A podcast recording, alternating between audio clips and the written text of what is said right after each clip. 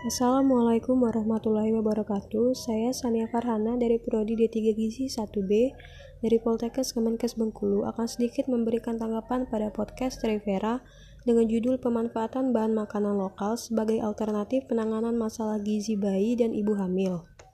Untuk penjelasannya sudah cukup baik terkait kebutuhan gizi yang harus dipenuhi pada bayi dan ibu hamil. Tetapi sedikit kurang penjelasan terkait bahan lokal apa yang sesuai untuk penanganan masalah gizi yang harus dipenuhi pada bayi dan ibu hamil tersebut.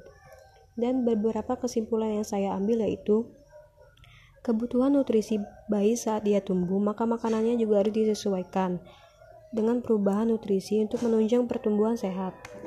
Variasi makanan sangat penting untuk memberi menu seimbang pada bayi. Hal ini juga agar pertumbuhan dan perkembangan optimal.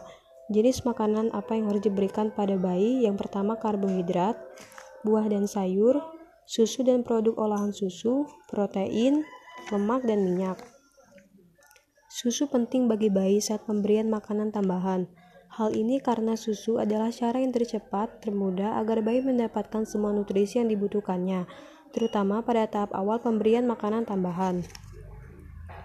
Dan kebutuhan gizi yang harus dipenuhi pada ibu hamil. Pada trimester pertama, zat-zat yang harus dipenuhi yaitu asam folat, vitamin B6, dan zat besi. Pada trimester kedua, zat gizi yang harus didapat yaitu kalsium dan vitamin D, asam lemak, omega 3. Pada trimester ketiga, beberapa kebutuhan gizi yang wajib dipenuhi, karbohidrat, protein, dan vitamin K. Ibu hamil juga harus menerapkan olahraga yang sesuai dengan kehamilan secara rutin dan teratur.